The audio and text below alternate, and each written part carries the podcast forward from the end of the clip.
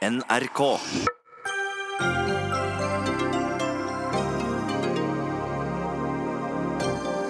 Mens Nato flekker muskler gjennom storøvelsen Trident Juncture langs norskekysten, har russerne meldt fra at de har planlagt prøveskyting av egne raketter i samme farvann fra torsdag. Hørte vi et gufs fra gamle tider? 60% av artsmangfoldet har forsvunnet siden 1970. WWF krever en egen Parisavtale for naturen. Kutt i utslipp redder ikke nødvendigvis dyr. Kari og Ali Nordmann bruker mindre penger enn før. Er det et sunt tegn, eller et tegn på at vi er på vei inn i tøffere økonomiske tider? Og Unge Venstre vil fjerne kirkeasyl. Hvordan klinger det i ørene hos Kristelig Folkeparti?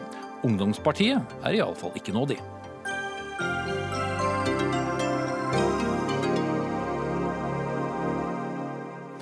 Ja, se, slik ser og høres eh, denne tirsdagens Dagsnytt 18 ut med Espen Aas i studio. Og vi skal selvsagt også innom det aller siste fylkesårsmøtet i KrF, som skal bestemme hvor mange blå, røde og gule delegater de skal sende til det ekstraordinære landsmøtet nå på fredag.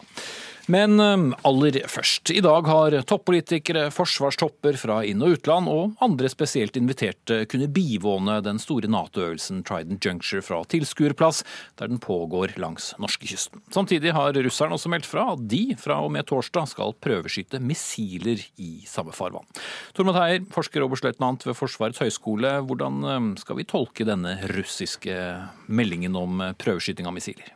Ja, Den er kanskje litt i overkant av hva jeg selv hadde forventet. Eh, men den føyer seg inn i et eh, mønster der eh, partene på begge sider, øst og vest, svarer på hverandres tiltak i det som på mange måter minnes som en litt ny kald krig. Dette er altså en form for politisk kommunikasjon. Og denne gangen så skjer den altså da helt overlagt helt inntil den norske territorialfarvanngrensen i Midt-Norge istedenfor oppe i Barentshavet, hvor de pleier å gjøre det. Norske myndigheter ønsker da selvfølgelig å tone dette sånn mest mulig ned og avdramatisere, men på den annen side så kan man jo si at dette er et ganske sterkt vil jeg si, signal fra russiske myndigheter om at eh, denne type øvelse det er de ikke spesielt eh, begeistra for. Mm. Vi burde kanskje ikke være så overrasket? Nei, de burde ikke det. Overhodet ikke. Eh, norske myndigheter har jo kjempet i nebb og klør i hvert fall i fire år for å få den øvelsen til Norge. Altså, Russerne er invitert som observatører, det er full transparens. og Den har jo en veldig defensiv innretning som gjør at russerne overhodet ikke har noen grunn til å føle seg redde. Men likevel så velger de her å sende et signal. og det tror ikke jeg er først og fremst pga. øvelsen som sådan, men det er det hva skal jeg si, det mønsteret vi ser i hele Norden. Hvor spesielt Sverige og Finland og Norge i økende grad begynner å samordne mye av sin militære eh, planlegging og infrastruktur. Ikke for selv å kunne nødvendigvis håndtere egne kriser, men for å forsterke det beredskaps- og forsterkningsplanverket som kommer over Atlanteren fra USA. Og Dermed så ser russerne på dette som en eh, at Norden på mange måter forlater denne rollen som de var under den kalde krigen, som en buffer og et lavspenningsområde mellom øst og vest, og nærmere blir et slags eh, springbrett, et slags oppmarsjområde for eh, amerikanske og andre allierte styrker inn mot russiske nordområder med Kolahalvøya og inn mot eh, Østersjøen og Baltikum. Mm. Kjetil Stormark, du er redaktør for nettstedet ennå, som skriver om norsk forsvar og, og, sikkerhetspolitikk. Som vi hører her, vi var jo en, en buffer. Nå har vi kanskje forlatt den posisjonen. Er det klokt? Jeg vil på en måte innledningsvis advare litt mot å la russerne få lov å definere denne debatten i for stor grad, fordi dette er et veldig klassisk eksempel på russisk eh, hersketeknikk, hvor eh, man finner ulike markeringer og man kommuniserer på forskjellige måter for å prøve å skape uro, usikkerhet og, og splid eh, på den andre siden, om du vil, og hvor formålet er å påvirke Eh, politikken i Norge og andre Nato-land. Eh, det som er helt klart, er at det russerne her gjør, er farlig, det er uansvarlig. Og det ville vært helt utenkelig av eh, det som Nato gjorde noe tilsvarende. altså Det ville vært helt utenkelig at Nato gjorde noe tilsvarende, f.eks. i Barentshavet, under den russiske militærøvelsen Zapad i september i fjor. Da ville den russiske motreaksjonen vært så sterk, regner jeg med, at vi ville vært eh, mange skritt nærmere eh, en eh, direkte konfrontasjon mellom Russland og Nato. Det er viktig å ha med seg hvor alvorlig det er, det som Russland her gjør, eh, før man på en måte diskuterer om man skal på en måte forholde seg til, dette som en reell eh, reaksjon, som er hjemla i reelle følelser, eller om dette faktisk er et spill for galleriet, Ja, et forsøk på å påvirke norsk politikk. Hva tror du, Stormark?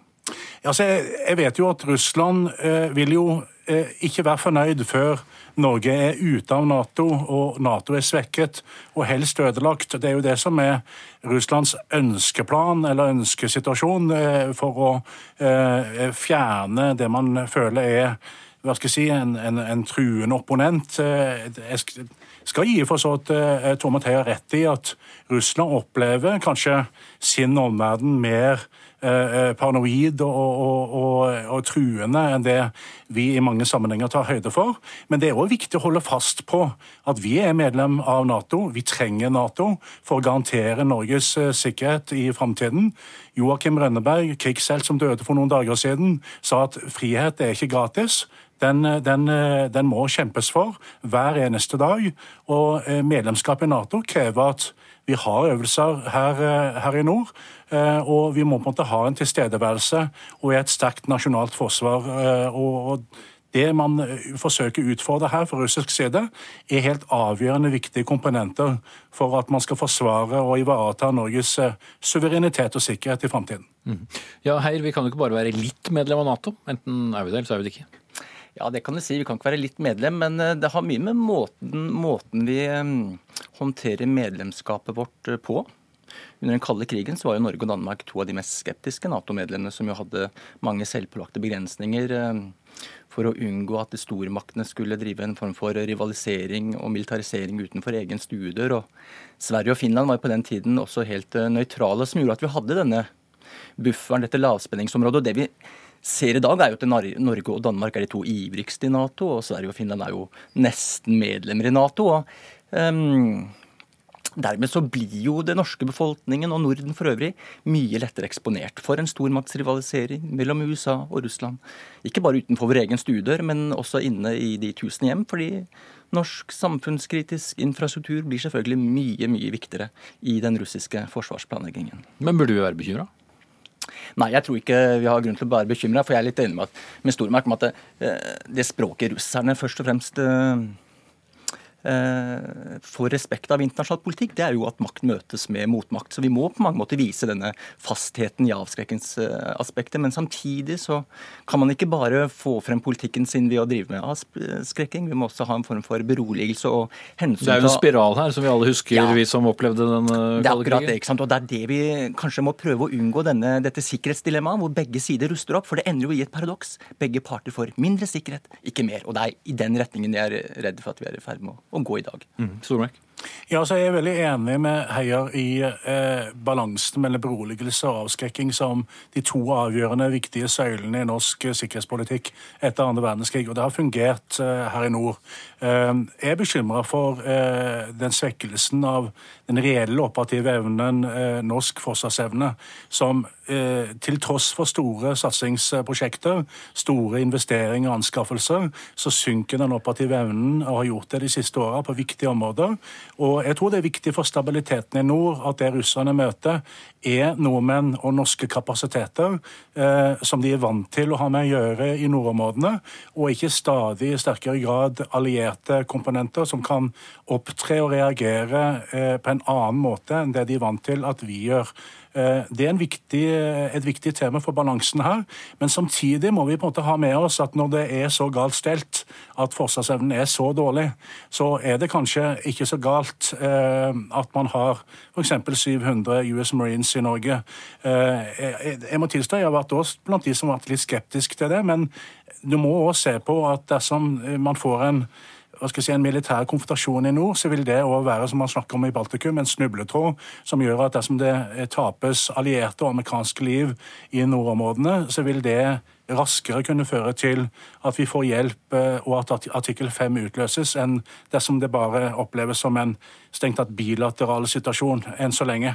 Men, men stabiliteten har best av at vi har sterke nasjonale kapasiteter som videreføres, og som russerne er, er fortrolige med og vant til. Mm, ja, Det er et godt poeng det der med den norske forsvarsevnen. fordi En av grunnene tror jeg, til at vi har innført denne imitasjonspolitikken overfor amerikanerne de senere år, det er jo nettopp at vi ikke lenger har en selvstendig nasjonal krisehåndteringsevne i den laveste enden av konfliktspekteret. Og det gjør at vi blir mer eh, interessert i å få amerikanerne inn på norsk jord. og Det øker avskrekkingen, men det gjør oss også mer eksponert for, eh, for russisk forsvarsplanlegging. fordi russerne er ikke redd for 5,3 millioner mennesker i Norge. Det de er redd for, er jo at Norge skal bli brukt av amerikanerne som et ja, springbrett. Og de er ikke redd for 700 US Marines, selv om de hevder det i uttalelser utad. Og Det er viktig å være klar over at i dette spillet så sier russerne ganske mye som de egentlig ikke mener, for å prøve å påvirke utviklingen av norsk politikk. Eh, og det spillet der må vi være litt sånn litt sånn vokte oss litt for å falle for, eh, og, og vise fasthet i responsen tilbake. igjen. Og Derfor er jeg også kritisk til at Nato og den norske regjeringen ikke har vært tydeligere i å sette grenser når man nå ser hva russerne gjør, hvor de skal gjennomføre en missiløvelse midt i det maritime øvingsområdet for Trident Juncture-øvelsen. Det er farlig, det er helt unødvendig, eh, men det er markering, det er farlig symbolpolitikk. Mm. Kort til slutt her. Ja da, Dette er en form for politisk kommunikasjon hvor det er høyt spill på, eh, på, begge sider. Det jeg tror som sagt russerne frykter mest, det er ikke denne øvelsen isolert sett, men det er den militære infrastrukturen i hele Nord-Europa som nå begynner å konsolidere seg på tvers av Norge, Sverige, Finland og Danmark, og som gjør at eh, sett med russiske øyne så får amerikanerne et mye sterkere militært fotavtrykk i hele denne regionen. Mm. I hvert fall ikke bare varme følelser, snarere litt kalde forhold, mens det altså vises militære muskler utenfor kysten av Midt-Norge. Takk til Tormod Heier, forsker og oberstløytnant ved Forsvarets høgskole, og Kjetil Stormark, redaktør for nettstedet Aldri mer. Dagsnytt 18 alle hverdager kl 18.00 på NRK P2 og NRK2. Vi mennesker har tatt oss godt til rette i naturen, ja såpass at det har gått ganske hardt utover artsmangfoldet. Vi hugger skog, forurenser, bygger over, forsurer, overutnytter og fortrenger dyrenes leveområder. Og siden 1970 har 60% av alt dyrelivet på jorda forsvunnet. Dette kunne du lese i en rapport som dere i WWF presenterte i dag. Bård Vegar Solhjell, som er generalsekretær i Verdens naturfond. Hvor bekymret skal vi være over dette, som jo tilsynelatende høres ut som et ganske enormt tap?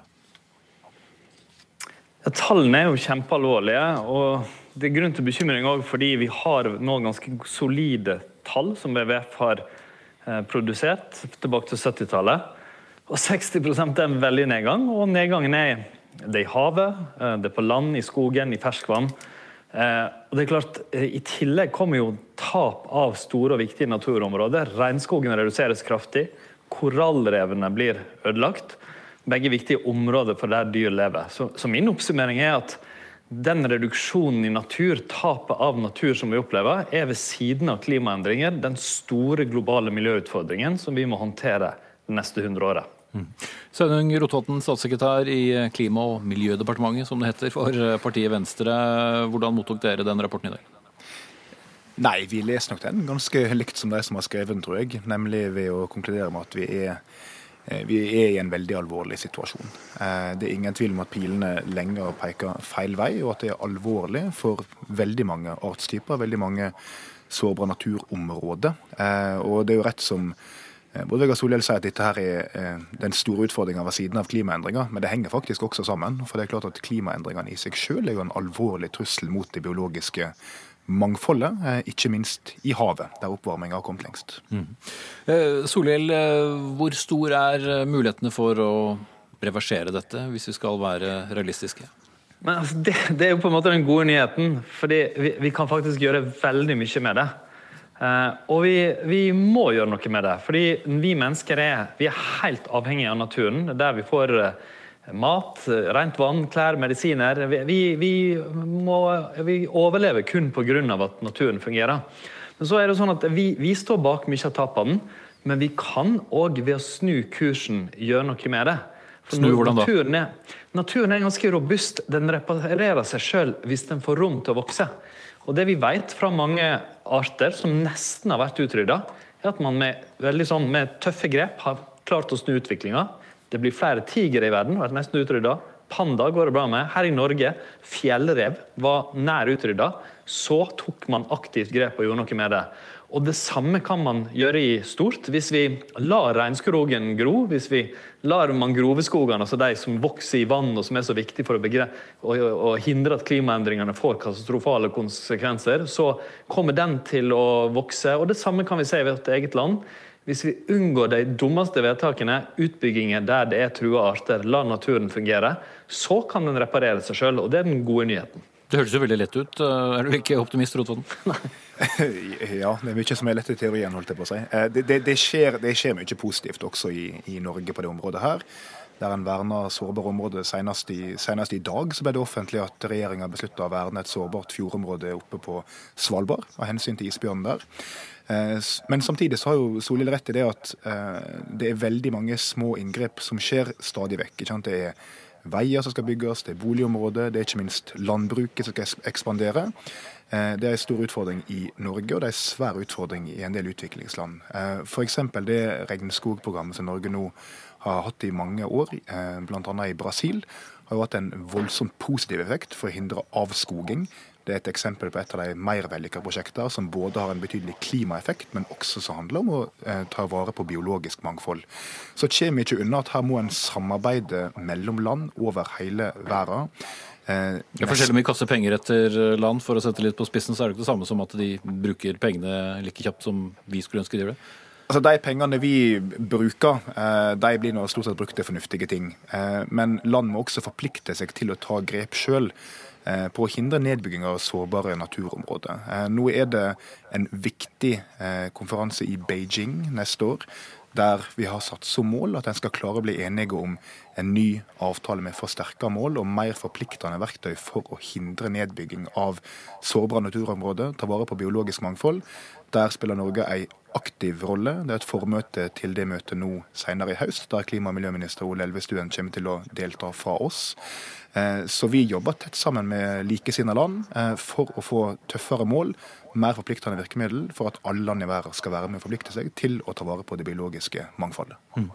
Eh, Solhjell, jeg hørte både deg i Nyhetsmorgen i dag, jeg hørte på BBC radio i morges. Dette var en rapport som ble viet mye plass, og det snakkes altså om at vi i tillegg til den Parisavtalen, som da forplikter oss til å ikke la eh, temperaturen gå for mye opp, at vi trenger en, en egen da for å, å sikre eh, artsmangfoldet.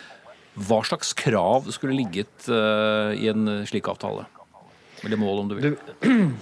Vi vil at Norge skal ta en enda klarere global lederrolle i å få en global avtale for natur, sånn som vi har klimaavtalen fra Paris. Den kan vi få i 2020 i Beijing. Eh, Og Der kan man få en brei avtale som sikrer havet, der eh, forsuring, plast osv. er trusler. Regnskogen. Der ulike typer terrenger, dyrearter, naturtyper inngår. Og kanskje en avtale som ikke en sånn juridisk spissfindig, men en type mobiliseringsavtale som klimaavtalen i Paris var. Der alle land kan bidra, der private selskaper osv. spiller en rolle. Men så syns jeg òg regjeringa gjør for lite i Norge. Det vil si, Miljøverndepartementet gjør i all hovedsak positive ting. Du kjenner det, det godt selv? så, ja, det, ja, det gjør jeg òg. Men det hjelper ikke så lenge de andre departementene gjør mange vedtak som undergraver det. Noe jeg òg kjenner godt til sjøl. Det er det som kanskje er noe av problemet med den norske politikken. Hva tenker du på da? At vi gjør summen av mange små enkeltvedtak. En vei som man får bygge eh, gjennom et område der eh, viktige arter lever. En kraftutbygging, et hyttefelt. Den ene etter det andre av den typen vedtak. Enkeltvis kan det synes uskyldige, men når vi vet at det er 3000 reguleringsplaner som vedtas årlig i Norge, så er summen av mange vedtak så tar den natur i feil retning òg i Norge. Og Det er den viktigste utfordringa til både Rotevatn og til regjeringa. Ikke la det bare være med de enkeltvise vernevedtakene i Miljøverndepartementet. Ta tøffere tak i alle vedtakene på andre områder som fører oss i feil retning. Tror du det er tøff nok, Rotevatn? Um, ja, jeg vet ikke hvor tøff jeg er å gjøre, men uh, det er klart at uh, omsynet til biologisk mangfold må ligge i alle sånne planprosesser. Det blir gjort mye godt arbeid lokalt. Uh, heldigvis er bevisstheten blitt større også ute i kommunene. Men det er klart av og til så må en si nei til inngrep som blir foreslått som går for langt. For å ta et nærliggende eksempel der jeg kommer fra, så var det jo forslag om å bygge ut kraft i det som heter Gjengedalsvassdraget, som er et veldig sårbart naturområde. Det sa regjeringa nei til.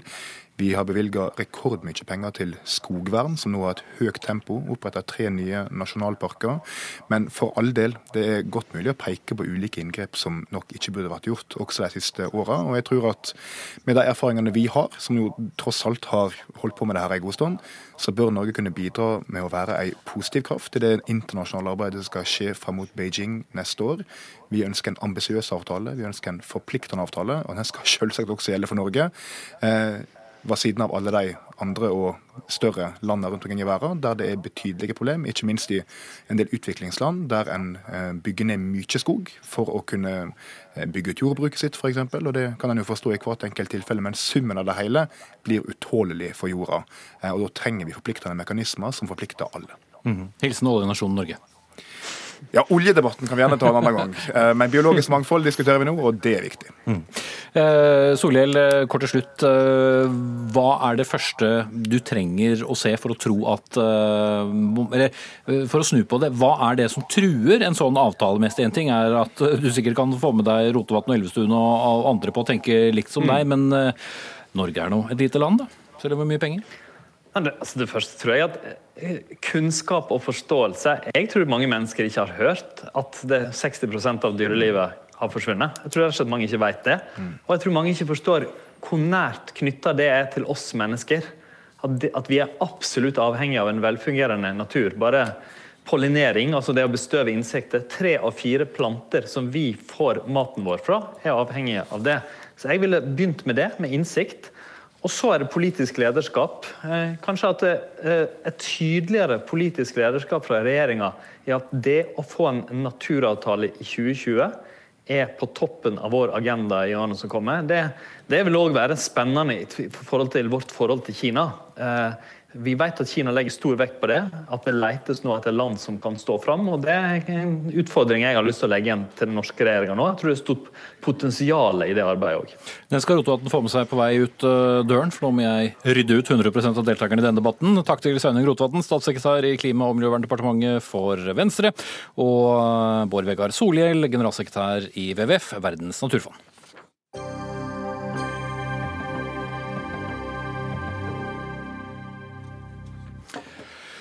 Så er det altså slik, da. Hvis eh, dere ikke har fått dere med, der, med, dere, så skal altså Kristelig Folkeparti gjøre veivalg denne uken. Og nå klokken 18 så begynte det aller siste årsmøte blant fylkene.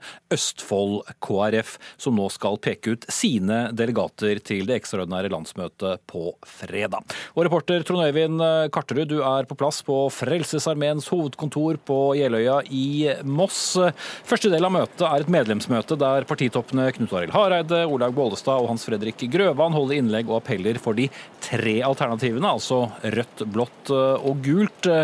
Hvordan eh, er stemningen nå før møtestart? Eh, jeg rakk i hvert fall å se noen bilder av en ganske hektisk innmarsj fra partitoppene. Ja, det er en ganske hektisk sluttspurt som KrF er i gang med akkurat nå. Fylkesleder Brynjar Høydebråten han sammenligner det med Tour de France, bare at han da selvfølgelig kaller det Tour de KrF. Og han eh, peker på at i Tour de France så sykler man sammen den siste etappen inn til mål. Alle skal få passere mållinja likt, og det er det han håper at også KrF vil gjøre etter fredagen, når veivalget tas, om det blir blått, gult eller rødt. Hareide han skapte jo oppstandelse 28.9. Eh, og Anne Marie Helland, du var da en av de som lot deg begeistre av Knut Arild Hareides eh, tale når han pekte på Senterpartiet og Arbeiderpartiet. Da brukte ikke du så lang tid på å gå på PC-en eller iPaden eller hva det var for noe for å melde deg inn i partiet? Nei, det tok 14,5 sekunder, tror jeg. Noe sånt. Um for meg så var det snakk om at det var en eh, tale som var preg av visjon. Eh, et politisk prosjekt som han tror på. Eh, et politisk prosjekt som jeg har lyst til å være med på. Eh, han snakka om hvordan KrF skal bidra til et varmere samfunn, ikke bare om enkeltsakene. Eh, for ofte kan man se seg litt blind på enkeltsaker og glemmer å se på helhet. Mm. Så det prosjektet han står for, det vil jeg veldig gjerne være med på. Men det er jo et prosjekt som man da sannsynligvis ikke får igjennom. Og her i Østfold i dag så blir det vel høyst trolig et blått flertall. Er du på taperlaget på et vis? Nei da. Det kan godt hende, det ser jo ut som det blir blått flertall, men jeg tror at dette allikevel har skapt en har vært, det har vært en veldig viktig debatt, ikke bare i KrF, men også i norsk politikk. For det dreier seg faktisk om veivalg. Eh, det dreier seg om hva vi vil med politikken, og hvor man skal hen med samfunnet. Eh, og jeg syns jo at KrF har kommet heldig ut av diskusjonen så langt. Man har vært, vi har vært flinke til å ikke krangle. Ja, og Du mener det? Ja. For det har jo vært veldig mye gnisninger egentlig på veien hit til eh, sluttspurten? Ja, det har det. Men så tror jeg man skal huske at det er jo ingen andre partier som hadde turt å ta en sånn diskusjon i helt åpent lende. Ehm, det har vært en, viktig, det har vært en oppvisning i demokrati. Altså Hvor jeg sjøl opplevde at fordi jeg kom på mitt lokallagsmøte, så fikk vi med den ekstra delegaten hit i dag. Det hadde ikke skjedd uten min stemme. Så det er en veldig sånn reell opplevelse av demokrati som jeg tror er kjempeviktig, og som bidrar til at man også kan gjenvinne troen litt på demokrati, og at det nytter. da. Du har selv ledererfaring. Eh, ville du gjort det her på samme måten som Knut Arild Hareide gjorde det? Jeg vet, jeg tror det. For når du tror på et prosjekt, eh, så må du på en måte Man kan ikke lede noe man ikke tror på. Um, og det tror jeg er helt sikker på at Hareide han tror på dette. Det er dette han vil, og det er dette han mener er riktig. Og så må det bære eller briste. Ja, Og om det bærer eller om det brister, det veit vi vel for så vidt. Men vi skal i alle fall følge her på NRK2 gjennom eh, hele kvelden her fra Jeløya i Moss. Veldig kort til slutt, eh, Trond Eivind Karterud. Altså åtte åtte mandater som går fra Østfold og til landsmøtet på fredag. Hvordan blir fordelingen, eh, tror du? Ja, et eh, hett stalltips går på at det blir fem blå og tre røde, og da blir det ned. Så er også den eh, ja, hva skal vi si, det som skjedde i Rogaland, da, da er det utjevna. Mm. Takk til uh, Trond Henning Karterud, som altså følger det siste fylkesårsmøtet i Kristelig Folkeparti. Og vi gir oss ikke helt eh, med denne saken ennå, for nå rett før eh, sending kom det også melding om at flere KrF-topper vil utfordre partiets landsstyre om hvilken rekkefølge landsmøtet skal stemme i på fredag. Og vi skal snakke enda litt mer om det etter hvert, men jeg vil nå også ta med et annet springende og ikke minst spennende punkt som har dukket opp. For ledelsen i Rogaland Rogaland KrF, som var eh, tidlig ute med fylkesårsmøtet, får nå sterk kritikk både internt i eget fylkeslag og fra andre fylkeslag, fordi de sender en tilnærmet helblå delegasjon til Gardermoen på fredag, til tross for at en tredel av disse delegatene på fylkesårsmøtet jo sa at de ønsker regjeringssamarbeid med Arbeiderpartiet og Senterpartiet. Og Reid Ivar Dahl, du er nestleder i Rogaland eh, KrF og med oss fra Stavanger. I går hadde delegasjonen eh, til landsmøtet telefonmøte etter at Hareide-tilhengerne hadde sendt en oppfordring om at fire av de eh, blå delegatene bør trekke seg, uten at det har ført til noen endringer. Eh, hvordan vil du beskrive debatten og si, situasjonen i, i fylkeslaget ditt nå? Nei, det er jo klart at er folk er, som ønsker at Hareide skal vinne, er skuffa over at ikke de fikk flere røde delegater fra Rogaland. Det har jeg full forståelse for. Eh, men så er det viktig å huske på at Rogaland var først ut i køen når det gjaldt fylkesårsmøtet. Vi valgte å gjøre det på den samme måten som vi alltid velger vår landsmøtedelegasjon på, nemlig ved flertallsvalg. Eh, det vil si at de kandidatene som fikk flest stemmer, de ble valgt til landsmøtedelegasjonen. Det er for øvrig den samme måten som sentralstyret i KrF velges på på landsmøtet, og det er den måten de ulike lokallagene har valgt sine delegasjoner til fylkesårsmøtet. Men det er ikke eh, det, det samme som eh, alle fylkeslagene kommer til å gjøre det i denne prosessen, eller har gjort i denne prosessen? Nei, eh, og det er jo et viktig poeng at hadde en hatt noen klare retningslinjer i forkant, så tror jeg nok kanskje eh, en hadde sett en litt annen prosess. For det vi også ser i de andre fylkeslagene som har valgt forholdstallsvalg, som det heter, det er at en har ikke valgt å gjøre det på samme måten, de heller. Noen har valgt å telle fylkeslederne med inn i delegasjonen.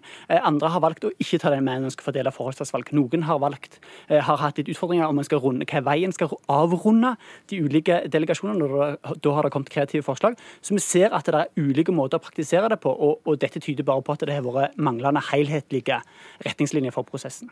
Men nå får det bli som det blir? Ja, nå blir det som det blir. Vi hadde telefonmøte med, med, delegasjonen i går, og det var klart at det var ingen der som da uttrykte eh, ønske om å stemme imot sin egen overbevisning. Det er klart. Eh, og så er det eh, klart at vi har en delegasjon med majoriteten som støtter Ropstad og Bollestad sin linje, men vi har også representanter som støtter Grøvan, og som støtter Hareide. Mm. Uh, Oluf Maure, du er fylkesleder i Hedmark Kristelig Folkeparti. Du sendte en SMS til fylkeslederen i Rogaland KrF, du Odny Helen Turøy, om det var aktuelt for noen av delegatene i fylkeslaget om å stemme i tråd med det som var avstemningen, slik at mindretallet ble bedre representert. Hvorfor sendte du den meldingen? Ja, Det gjorde de torsdag i forrige uke, altså i forkant av de mange årsmøtene som skulle være da, både fredag, lørdag og søndag. Eh, I frykt for at eh, flere fylkeslag eh, kanskje kunne tenke seg å gjøre på sånn måte som, som, Rogaland. Nå skjedde heldigvis ikke det, og det er jeg veldig glad for. Så det var jo bare spørsmål om de kunne tenke seg å, å se på den, den, måten de hadde gjort det på, og fikk jeg svar på at det, det var ikke aktuelt aktuelt. Og så vet vi jo at de har hatt uh, møte hvor de på en måte i hvert fall har drøftet det på nytt. da, og Det er i hvert fall positivt. Uh, og Jeg må jo bare skudde med å si at Rogaland KrF har jo ikke gjort noe de har jo ikke gjort noe ulovlig, men det er noe, det er et uklokt vedtak, slik jeg ser det. For jeg er veldig opptatt av at det landsmøtevedtaket vi får om fredagen, Eh, det må ha legitimitet i hele organisasjonen vår. så Der frykter jeg at det blir, hele tida blir stilt spørsmålstegn ved den måten dette har blitt gjort på. og Det, det bekymrer meg. Nå er det ikke sikkert det hadde gjort så stor forskjell da, hvis vi begynner å telle opp delegatene her, eh, men, men eh, Dahl, du, du ser poenget fra Maurud? eh, hans, eh, hans, bekymring. Eh, så er det klart at det, som du sier, prognosene for Østfold viser nok nå at mest sannsynligvis så kommer blå side til å gå inn mot landsmøtet med en såpass stor margin at det ville ikke vært utslagsgivende om Rogaland hadde brukt forholdstalsmetoden. Vi ser òg at hvis alle fylkesårsmøter hadde brukt flertallsmetoden, den som Rogaland brukte, så hadde det nok òg vært en majoritet for blå side. Så uansett hva metode en hadde valgt, så ser det nok ut som vi hadde gått inn mot landsmøtet med en majoritet på blå side. Mm. Uh, Maure, Tror du dette kan bli en, eh, en, liten sak eh, som det vil eh, bli bråk rundt så sent som på fredag, eller er denne saken avgjort når det gjelder delegatene til Rogaland? Nei, Jeg håper jo ikke at det blir noe mer bråk om det, men jeg syns det er veldig bra å, å debattere det og, og sette lys på, på, den måten dette har blitt gjort på. For, eh, og det er det jo riktig som ble sagt, at Rogaland var jo først ute. Og, og så fikk jo alle vi fylkesledere vi fikk jo en, en mail mail ifra partiledelsen det er klart, Den kom jo lovlig sent. Den kom halv tolv på, på lørdag, den dagen Rogaland hadde, hadde møte. Men, eh, men, jeg må jo si det at, dette det her med hvordan vi skulle velge delegater så I våres eh, fylkesparti, altså Hedmark, så bestemte jo det ganske tidlig at eh, begge syn skulle være representert i, i delegasjon, og der, der blir det. Mm. Etterpåklokskap er som kjent eh, alltid en eksakt og god vitenskap. Eh, vi får uansett da den endelige fasiten på fredag. Takk til Reid Ivar Dahl, nestleder i Rogaland Kristelig Folkeparti, og Oluf Maurud, fylkesleder i Hedmark Kristelig Folkeparti. Og vi må ha med oss våre kommentatorer og Tone Sofie Aglen, politisk redaktør i Adresseavisen. Eh, din avis var først ute med å omtale denne oppfordringen til delegasjonen i, i Rogaland. Men eh, ja, altså, teller vi nå, så er det ikke sikkert det hadde hatt eh, så mye å si. Men eh, for ettertiden så ser det kanskje ikke så godt ut. Nei, men samtidig så er det blitt ganske forutsigbart. For det er litt sånn at uh, si meg hva du mener om prosessen i KrF, og jeg skal fortelle deg kanskje ikke hvem du er, men i hvert fall om du vil ha rød eller blå regjering. For um, alle sammen kritiserer det som ikke går deres vei.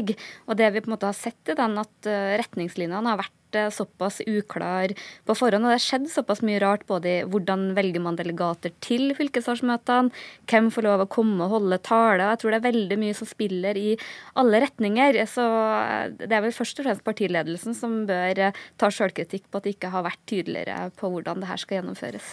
Og apropos Lars Nehru Sand, med oss direkte fra Jeløya nå i ettermiddag også, så har flere fremtredende KrF-ere ment noe om hvordan selve avstemningen skal skje på fredag. Hva er det som er foreslått, og hvilken betydning kan det få? Det er Hans Fredrik Grøvan som jo hele tiden har varslet at han er imot det landsstyret vil, hvor man skal stemme i to runder. Først om man skal i regjering eller ikke, og hvis det blir flertall for å gå i regjering, så skal man velge rød eller blå i en andre avstemningsrunde, som jo da teoretisk sett ikke trenger å bli noe av. Grøvan vil at man skal stemme over de tre alternativene rød, blå og gul eh, først i en første runde, og så gå videre med de to alternativene som da får flest stemmer. Grøvan mener, og, flere med han, at det landsstyret legger opp til, ikke gir anledning til å tilkjennegi sitt primærstandpunkt, og at det heller og at det er da en feil måte å rigge denne avstemningen for. Han mener også at det er gjort for å geleide partiet inn i regjering og få til da en skarp votering på rødt eller blått. Og dette kommer altså rett før det siste fylkesmøtet skal avholdes. Hva kan skje med et slikt forslag? Ja, eh, er det nok ikke fylkesrådsmøtene som først og fremst er arenaen for Grøvan for å få saksbehandlet dette. Det er eh, det landsstyremøtet som skal, unnskyld, sentralstyremøtet som skal planlegge landsmøtet på eh, torsdag kveld. Eh, og det er der forretningsorden skal opp til, eh, til, debatt. Der vil jo et annet sentralt poeng som Grøvan, som ikke er en del av Grøvans forslag, men han sier han vil støtte, nemlig eh, å endre avstemningen fra å være skriftlig til å skje ved hånd håndsopprekning åpent i salen. Og opplever det som at både Grøvan sine gule tilhengere og de som er på blå side, eh, har nå eh, de siste dagene Vi legger alt inn på å få eh, endret dette med en skriftlig avstemning for å kunne tilkjennegi hvem som da eventuelt snur fra det de har valgt, nei, er innstilt på fra før. Det er jo spesielt de som er telt som blå delegater, men, men eh, ikke nødvendigvis er helt overbevist på blå side. Det er de som eh, kanskje kan snu, da. Og det er derfor man vil ha en eh, avstemning i salen, sånn at alle kan se hvem som eventuelt skifter mening. Mm. Jeg vil bare beklage at uh, det er mange stemmer ved siden av uh, Lars her som uh, kjemper litt om oppmerksomheten vår. Tone Sofie Aglen, det med en åpen avstemning fremfor en, en lukket, hvordan vil det påvirke et landsmøte? Nei, Det er jo vanskelig å si, men eh, det er jo de som er Hareide-tilhengerne, som ivrer for at det skal være en, eh, en eh, lukka avstemning eller en hemmelig avstemning. Så man vil jo kanskje tro at det tjener hans sak. Men så er jeg litt sånn spent på om Grøvan-alternativet vil få litt mer sånn vind i seilene etter hvert. For vi det å forbli i opposisjon? Ja, for vi hører jo det at alle sammen sier nesten at det verste som kan skje, er at vi fortsetter i opposisjon. Og jeg er usikker på om de virkelig mener det. for nå mange av oss har jo sittet kveld etter kveld og fulgt uh, fylkesårsmøtene i KrF. Og det vi virkelig har lært, er jo at det er et virkelig splitta parti. Og jeg har veldig vanskelig for å se for meg at, uh, at uh, mange virkelig mener det at, de, at det er hipp som happ hvilken regjering de går inn i. Så det kan nok hende at hvis voteringsordninga blir endra, at uh, mange kanskje ikke syns at Grøvan sitt alternativ er så dumt likevel. Mm. Eh, Lars Nehru Sand, eh, som vi har snakket om tidligere i denne sendingen, så er det mye som tyder på at eh, Knut Arild Hareide ikke får det flertallet han har eh, håpet på gjennom denne prosessen. Men har han noen flere S i ermet som eh, kan påvirke da utfallet når vi kommer til landsmøtet på fredag? Det eneste han selv har kontroll over, er jo det å eventuelt sette sin rolle på spill som partileder og meddele partiet det, eh, enten i forkant av landsmøtet eller sekundene før eh, avstemning. Eh, det er jo en mulighet han har, og som han selv kan styre. Så er det litt ulik oppfatning om hvordan det vil slå ut. Noen mener det vil kunne vippe noen få stemmer, og han trenger bare å Mm. At under ti personer skifter side for at eh, det kan ha en effekt. Eh, men andre mener at det vil virke provoserende også. At hele denne prosessen har jo handlet om at det ikke er personer som man skal eh, snakke om, men retningsvalget for partiet rent prinsipielt, og at Hareide da ikke gjør det. Samtidig så virker det innlysende for alle at det er det som kommer til å skje. Hareide kommer til å gå av hvis han ikke får viljen sin, og at mange da allerede har det, lagt det inn i sin tankerekke nærmest for hvordan de resonnerer for hva de vil stemme på Eh, på fredag, men det vil selvfølgelig gi en annen symbolikk og alvor eh, når dette kommer fra Hareides egen munn i, i full offentlighet eh, før eller rett før en avstemning. Kort til slutt fra deg, Lars. Når får vi resultatet fra Østfold, tror du? Ja, det er ventet eh, rundt, eh, eller før klokken eh, ni, så får vi se. Det er ofte dratt litt ut her. Det som er venta fra, fra, Østfold, er jo en, en, blå delegasjon. og Spørsmålet er hvor, hvor sterkt det blir. Og selvfølgelig også om Grøvan klarer å ta med seg et gult mandat eh, herfra etter at han har holdt sin innledning nå snart. Mm. Ja, Tone Sofie Aglen, Dette er en prosess som bare blir mer og mer dramatisk jo nærmere vi kommer fredagen. Og som Lars sier, det kan godt hende at eh, vi ser en ny leder av eh, KrF om bare noen dager. Ja, jeg tror ingen hadde forutsett at uh, det her skulle bli så dramatisk. Og Hareide åpna jo opp veldig som sånn samlende, og han kan fortsette uansett. Men vi ser jo for hver dag som går, så har jo også Hareide skjerpa retorikken, og det er vanskeligere og vanskeligere å se for seg at han kan fortsette dersom han går på et nederlag. Mm. Og så er det sånn at vi har vel knapt noen gang snakket så mye om Kristelig Folkeparti som har gjort de siste ukene. I dag har vi her i NRK fått en helt ny meningsmåling som forteller noe om eh, hvordan partiene fordeler seg hos velgerne. Hvordan denne prosessen har slått ut for Kristelig Folkeparti, det vet jeg, men du får ikke vite det før i Dagsrevyen nå over klokken sju. Men jeg kan i hvert fall si så mye at jeg tror det er all grunn til å bli overrasket. Takk til Lars Nehru Sand på Jeløya og Tone Sofie Aglen, politisk redaktør i Adresseavisen her i studio.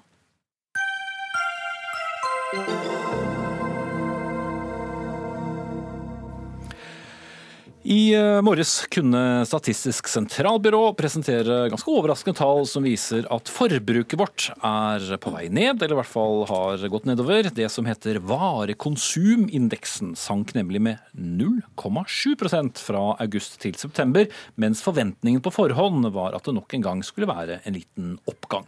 Nå høres kanskje ikke dette ut som eh, all verdens summer, men Cecilie Langenbecker, økonomikommentator her i NRK, det kan likevel være et lite værvarsel? Ja, eh, Tallene viser jo det som Det har vært en svak tendens eh, ganske lenge nå. Og, og tallene de, de viser nå at vi kjøper mindre. Og Grunnen til at vi er opptatt av det, det er jo at privat forbruk det er en veldig viktig driver i norsk økonomi. Er, vi er en forbruksdrevet økonomi. Omtrent eh, 50 eh, forbruksdrevet. I USA så, så er det omtrent to tredjedel, men i Norge det er, det er ganske mye allikevel. Så er, dette er noe vi er eh, opptatt av. og det er derfor Når disse tallene kommer hver måned, så er det noe vi, vi ser på.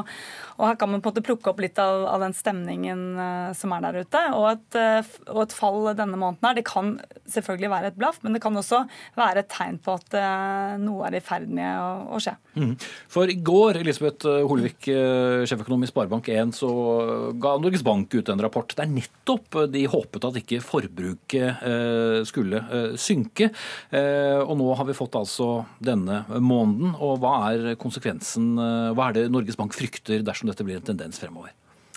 Altså, Norges Bank jo, de skal jo se langt fram i tid, og så skal de sette en rente som passer til økonomien. Og Det som alle har håpet på, er jo at den krisa som var i 2008, den ble jo løst eh, i Norge ved at rentene ble satt ekstremt lavt ned. Noe som har gjort at gjelda har økt, og en har, eh, boligmarkedet har jo tatt over som vekstdriver de siste årene. Nå kommer jo oljeprisen opp, men som Cecilie sier, vi, vi er jo avhengig av at eh, forbruksveksten fortsetter. Men den fortsetter jo på en høy gjeld eh, og en uro nå når rentene skal stige. I tillegg ser vi at det eh, strømprisene stiger, det er bompenger her, og det er økte utgifter der. Og alt er jo ting som går ut av lommeboka til vanlige folk. Og så blir det en uro som gjør at oi, kanskje vi skal heller prøve å stramme litt til. Eh, se an hvordan det utvikler seg. Og da blir det ikke noe futt i norsk økonomi, hvis alle gjør det. Mm. Samtidig med det så ser vi også at boligprisene ser ut til å flate ganske mye ut. Eh, bolig har jo vært eh, alltid en ganske trygg investering, for alltid steget. Du kjøper en bolig, etter en stund så er den langt mer verdt enn lånet, og du kan låne på boligen mange ganger for å kjøpe deg bil, båt eh, osv. Men hva skjer nå hvis boligprisene blir stående på stedet hvil, og mange har kjøpt en bolig hvor ja, lånet står mye lenger i stil med, med verdien? Nei, fordi vi, vi, har jo, som du sier, man, man har vent seg til at, um, at, man kan uh, en gang i år eller annethvert år så kan du gå og få ny takst på boligen din, og så kan du, uh, så kan du på en måte refinansiere det, det boliglånet ditt. F.eks. da du kan kjøpe en helt ny bil eller båt eller, eller, hytte. Og når disse tingene begynner å slå inn, at, uh, og, det, og det gir jo en, en en oppfatning av hvor mye rikere man blir. ikke sant? Man, man, føler, man føler, seg bra, man, man, har god trygghet i sin egen økonomi. Og når det da begynner å flate ut, og man ikke kan på en måte ta ut den hva skal jeg si, oppsiden eller det som ligger på toppen der, så, så kan det også føre til at, eh, at, man, at man, altså, man, reelt strammer inn, men det er også den der følelsen av at ok, nå, nå må jeg kanskje eh, holde litt mer tilbake. Og nettopp den effekten, den er jo eh, jeg tenker at den, den kommer kanskje på et også litt dårlig tidspunkt nå for norsk detaljhandel, da, f.eks. Som jo er altså, Vi ser jo bransjeorganisasjonen Virke som, som kaller det for en handelsapokalypse akkurat nå. Eh, hele bransjen, klesbransjen, eh, skobransjen, sportsbransjen sliter jo med, med, med marginer. Og vi ser konkurser i, i, mange av disse kjente kjedene. Og vi ser også at, at, eh, at, at, flere kjeder holder på å gå konkurs. Så dette er jo på en måte noe som legger seg på toppen av en allerede ganske krevende tid da, for norsk detaljhandel. Mm. Ja, Elisabeth Holvik, og Det betyr jo ikke nødvendigvis at det blir noe flere ansatte der? Nei, og det er klart med sukkeravgiften, med eh, nærhet til Sverige, med internett, som er kanskje det som vokser aller raskest i, når det gjelder handel, så blir dette krevende. Vi står jo oppe i en situasjon der Norge har et høyt kostnadsnivå. Og vi har en, en disrupsjon i måten vi handler på eh, og innen produksjon. Og Det er jo derfor jeg har vært så opptatt av å snakke om at vi må ha gode rammevilkår for at det skal lønne seg å investere i bedrifter, skape arbeidsplasser i Norge. Og jeg tror vi må ta den diskusjonen, for nå ser vi at vi kan ikke bare øke gjelda øke konsumet på økte boligverdier og økt gjeld, og satse på at rentene skal være null for evig tid. Ha så lave renter som vi har nå. Altså De satte opp renta fra 0,5 til 0,75, og så får du på toppen høye strømpriser, og så drar folket tilbake på konsumet. Så er det et uh, svakhetstegn som vi skal ta alvorlig. Det er klart, og det kan bli en spiral?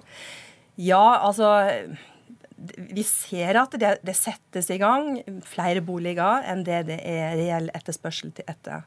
Og Fødselsraten i Norge har kommet veldig raskt ned. De er nede på rundt 1,6. De var jo for bare noen få år tilbake nesten to.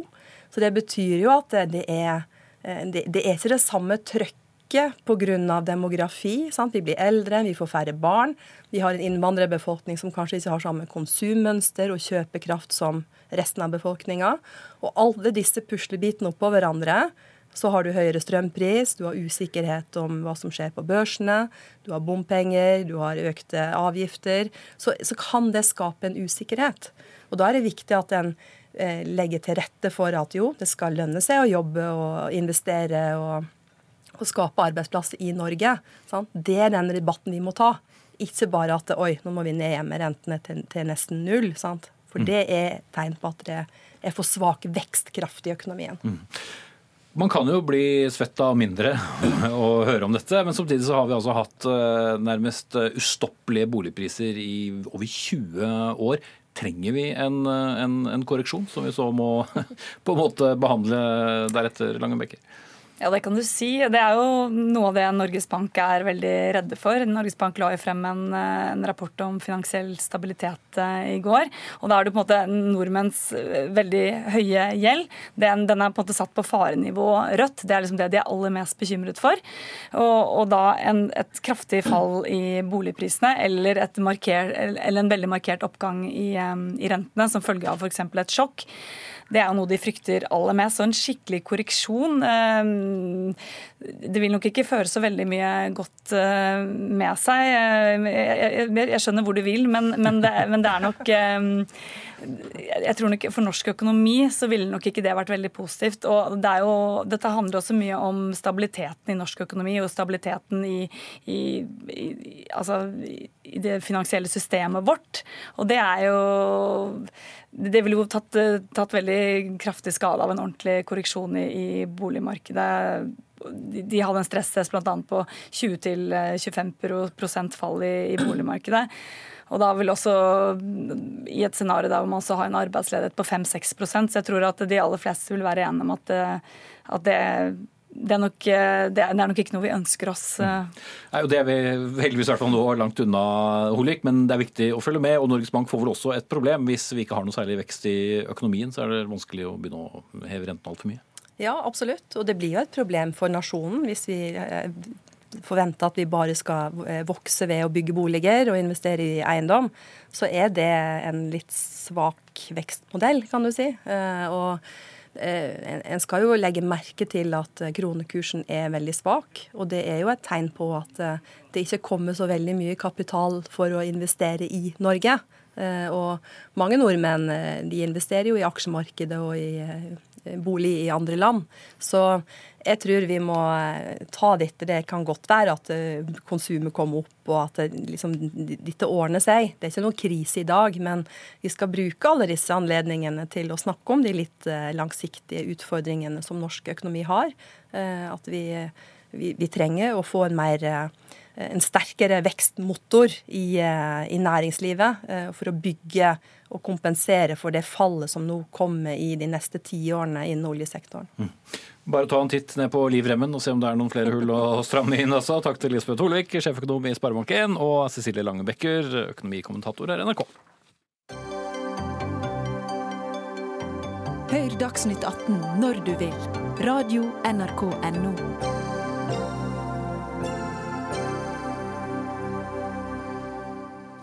Praksisen med kirkeasyl har vel for så vidt en mange hundre år lang historie, men det er jo særlig de siste 25 årene vi har snakket om det her i Norge, helt siden krigen på Balkan. Og med kirkeasyl så har asylsøkere som har fått avslag, kunnet søke tilflukt, og i flere tilfeller har det også ført til at de har fått prøvd sine saker på nytt.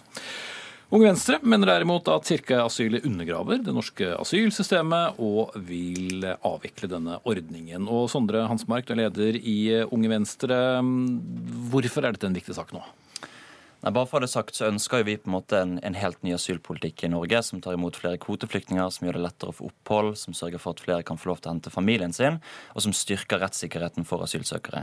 Og når vi får gjennomslag for vår drømmeasylpolitikk, som er mye mer liberal og mye mer raus, så Hvor stor er sjansen for det, føler du? Nei, altså på, på, sikt så vil jo det være en viktig kamp for oss, men i dag så er det kanskje ikke veldig sannsynlig. Men derfor er det også viktig å fremheve at i dagens situasjon så kan kirkeasyl være en nødvendig sikkerhetsventil, men sånn prinsipielt sett så mener jeg ikke det er riktig at staten skal definere hva som er hellig rom på vegne av innbyggerne. og Derfor ønsker vi å fjerne ordningen med kirkeasyl. Mm. Edel Marie Haukland, du er andre nestleder i Kristelig Folkepartis Ungdom. Er du enig i resonnementet? Eh, nei, jeg mener jo det at eh, kirkeasylet er en veldig viktig ordning i dag. Det er en viktig sikkerhetsventil, som Sondre sa. Eh, og det er så mange viktigere saker å snakke om før vi begynner å diskutere om vi skal ha kirkeasyl eller ikke. Det er barn i dag som ikke får lov til å gå på skole, selv om de har krav på det ifølge eh, Barnekonvensjonen. Det er barn som sitter med midlertidig opphold. Eh, det er så mange saker vi må ta tak i før vi gjør dette. Staten jo, kan ikke... Holder oss til uh, ja, som er saken. For staten kan ikke bestemme hva som er hellig eller ikke. Og det, det, det er helt sant, det. Så jeg, jeg syns, jeg mener at vi skal beholde ordninga som er i dag, der vi sier at det finnes visse rom i Norge i dag der det ikke skal være maktbruk mot mennesker som har flykta og bedt om hjelp fra kirka. Eh, som er en desperat Dette er mennesker i en desperat situasjon som heller vil sitte i et lite avgrensa område heller enn å være på flukt. Mm. Eh, kanskje... Men det er folk som Norge mener da ikke skal uh, få opphold, da? Ja, og vi vet det at det er mennesker i dag som blir sendt tilbake til både tortur og en dødsdom.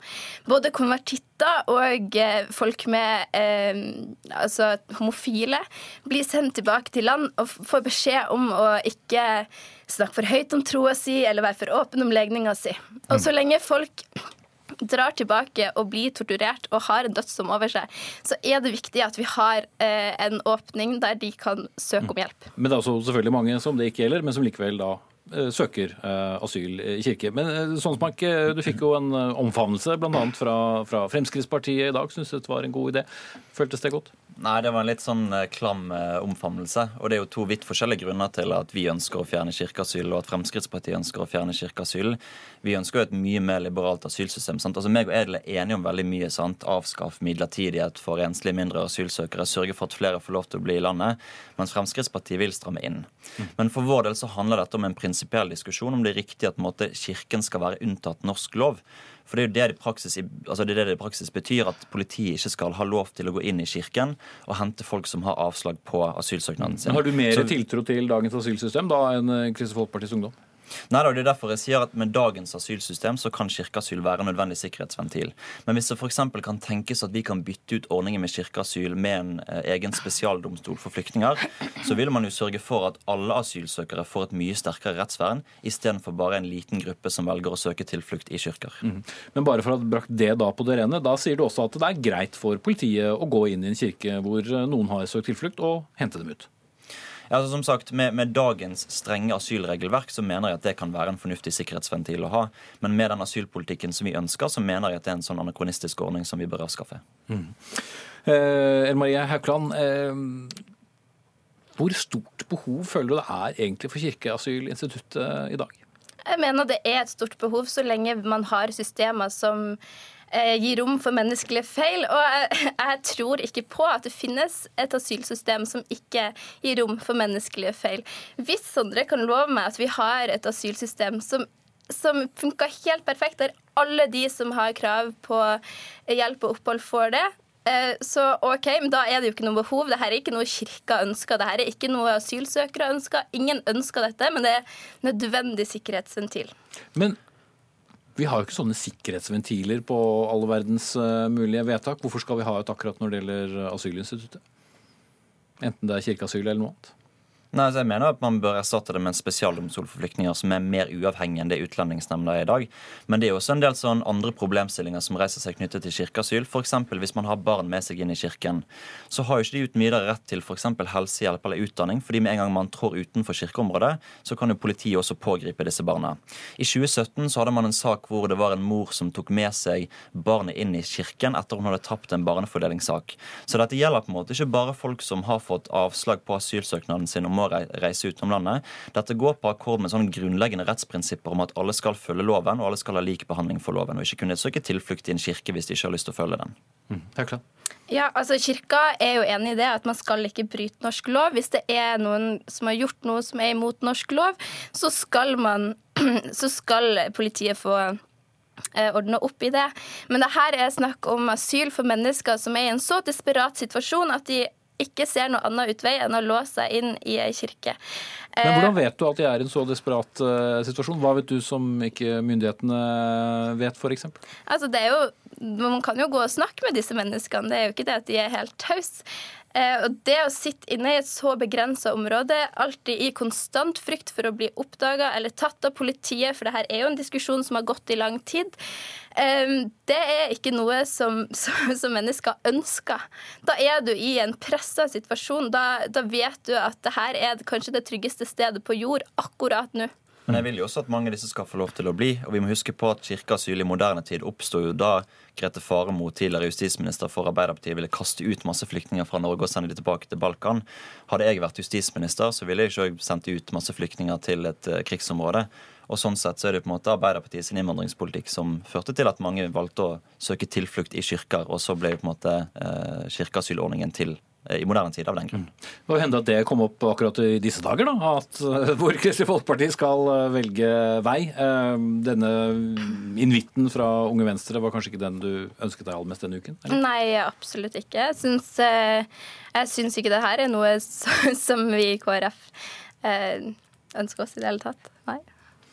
Men eh, hvorfor er dette en sak som du velger nå, eh, eller Unge Venstre velger nå, hvor eh, Burde du ikke begynt i andre enden, altså for andre asylinstitutter slik det er i dag, før du gjør noe med kirkeasyl?